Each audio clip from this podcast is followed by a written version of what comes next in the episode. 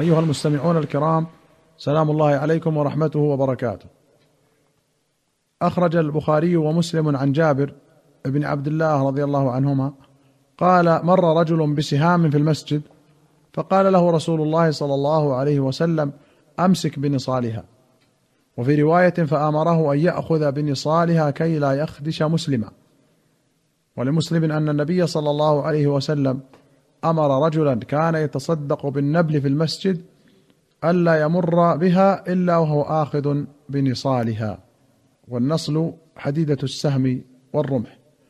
وأخرج البخاري ومسلم عن ثابت بن الضحاك وكان من أصحاب الشجرة أن النبي صلى الله عليه وسلم قال من قتل نفسه بشيء في الدنيا عذب به يوم القيامة. وفي رواية عذب به في نار جهنم. زاد مسلم ومن ذبح نفسه بشيء ذبح به يوم القيامة.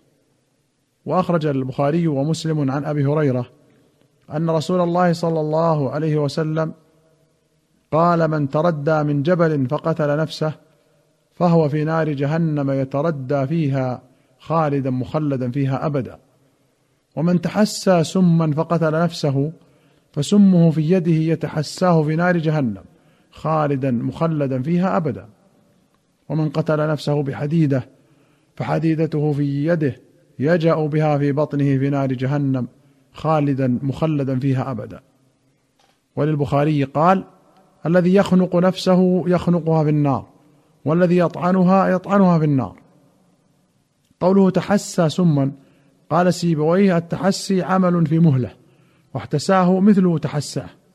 وقوله يجأ في بطنه أي يضرب في بطنه. والوجء اللكز والضرب.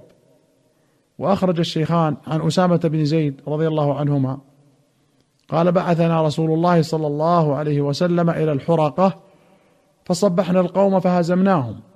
ولحقت أنا ورجل من الأنصار رجلا منهم. فلما غشيناه قال لا إله إلا الله. فكف عنه الأنصاري وطعنته برمحي حتى قتلته. فلما قدمنا بلغ النبي صلى الله عليه وسلم فقال يا أسامة أقتلته بعدما قال لا إله إلا الله؟ قلت إنما كان متعوذا. فقال أقتلته بعدما قال لا إله إلا الله؟ فما زال يكررها حتى تمنيت أني لم أكن أسلمت قبل ذلك اليوم. وفي رواية قال بعثنا رسول الله صلى الله عليه وسلم في سرية فصبحنا الحرقات من جهينة فأدركت رجلا فقال لا إله إلا الله فطعنته فوقع في نفسي من ذلك فذكرته للنبي صلى الله عليه وسلم. فقال أقال لا إله إلا الله وقتلته؟ قلت يا رسول الله إنما قالها خوفا من السلاح. قال أفلا شققت عن قلبه حتى تعلم أقالها أم لا؟ فما زال يكررها علي حتى تمنيت أني أسلمت يومئذ. وأخرج مسلم عن جندب ابن عبد الله البجلي أنه بعث إلى عسعس بن سلامة زمن فتنة بن الزبير فقال اجمع لي نفرا من إخوانك حتى أحدثهم. فبعث رسولا إليهم فلما اجتمعوا جاء جندب وعليه برنس أصفر فقال تحدثوا بما كنتم تتحدثون به حتى دار الحديث. فلما دار الحديث إليه حسر البرنس عن رأسه. فقال إني أتيتكم ولا أريد أن أحدثكم إلا عن نبيكم صلى الله عليه وسلم. إن رسول الله صلى الله عليه وسلم بعث بعثا من المسلمين إلى قوم من المشركين وإنهم التقوا. فكان رجل من المشركين إذا شاء أن يقصد إلى رجل من المسلمين قصد له فقتله. وإن رجلا من المسلمين قصد غفلته. قال وكنا نتحدث أنه أسامة بن زيد. فلما رفع عليه السيف قال لا إله إلا الله فقتله. فجاء البشير إلى رسول الله صلى الله عليه وسلم فسأله وأخبره حتى أخبره خبر الرجل كيف صنع. فدعاه فسأله فقال لم قتلته؟ فقال يا رسول الله أوجع في المسلمين وقتل فلانا وفلانا وسمى له نفرا. وإني حملت عليه فلما رأى السيف قال لا إله إلا الله. قال رسول الله صلى الله عليه وسلم أقتلته؟ قال نعم. قال فكيف تصنع بلا إله إلا الله إذا جاءت يوم القيامة؟ قال يا رسول الله استغفر لي. قال وكيف تصنع بلا إله إلا الله إذا جاءت يوم القيامة؟ قال فجعل لا يزيده على أن يقول فكيف تصنع بلا إله إلا الله إذا جاءت يوم القيامة؟ البرنس كل ثوب رأسه منه ملتزق به. وقيل هو قلنسوة طويلة توضع على الرأس كالطربوش. واخرج البخاري عن عائشة رضي الله عنها قالت كان يوم بعاث يوما قدمه الله لرسوله صلى الله عليه وسلم. فقدم رسول الله صلى الله عليه وسلم وقد افترق ملأهم وقتلت سرواتهم وجرحوا. فقدمه الله لرسوله صلى الله عليه وسلم في دخولهم في الإسلام. وبعاث موضع على ميلين من المدينة كانت به وقعة بين الأوس والخزرج قبل الهجرة بخمس سنين. وسرواتهم ساداتهم جمع سراه. والسراة جمع سري وهو السيد. قال الله تعالى قد جعل ربك تحتك سريا. وأخرج البخاري ومسلم عن أسامة بن زيد رضي الله عنهما أن رسول الله صلى الله عليه وسلم ركب على حمار عليه إكاف تحته قطيفة فدكية. وأردف أسامة بن زيد وراءه يعود سعد بن عبادة في بني الحارث بن الخزرج وذلك قبل وقعة بدر.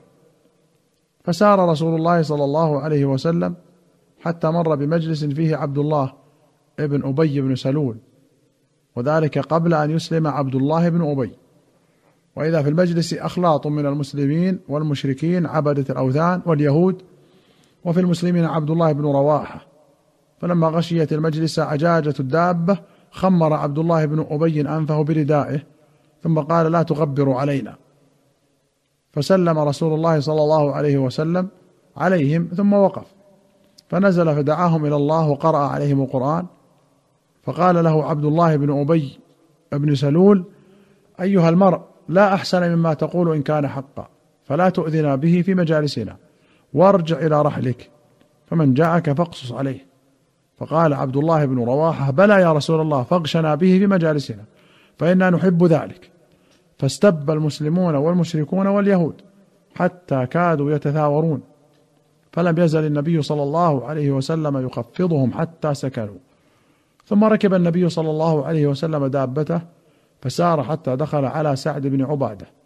فقال له النبي صلى الله عليه وسلم أي سعد ألم تسمع إلى ما قال أبو حباب يريد عبد الله بن أبي؟ قال كذا وكذا.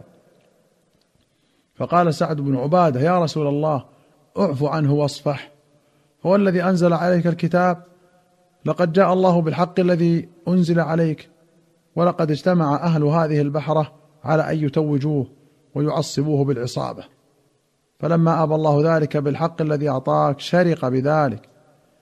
فذلك الذي فعل به ما رأيت. فعفى عنه رسول الله صلى الله عليه وسلم. وكان النبي صلى الله عليه وسلم وأصحابه يعفون عن المشركين وأهل الكتاب كما أمرهم الله ويصبرون على الأذى. قال الله تعالى ولتسمعن من الذين أوتوا الكتاب من قبلكم ومن الذين أشركوا أذى كثيرا. وإن تصبروا وتتقوا فإن ذلك من عزم الأمور. وقال تعالى ود كثير من أهل الكتاب لو يردونكم من بعد إيمانكم كفارا حسدا من عند أنفسهم من بعد ما تبين لهم الحق فاعفوا واصفحوا حتى يأتي الله بأمره. إن الله على كل شيء قدير.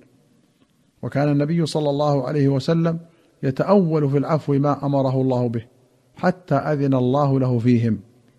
فلما غزا رسول الله صلى الله عليه وسلم بدرا فقتل الله به صناديد كفار قريش. قال ابن أبي بن سلول ومن معه من المشركين عبدة الأوثان هذا أمر قد توجه فبايعوا رسول الله صلى الله عليه وسلم على الإسلام فأسلموا. إكاف الحمار بردعته وهو للحمار كالسرج للفرس. بهذا أيها المستمعون الكرام نأتي إلى نهاية هذه الحلقة. حتى نلقاكم في الحلقة القادمة إن شاء الله. نستودعكم الله. والسلام عليكم ورحمة الله وبركاته.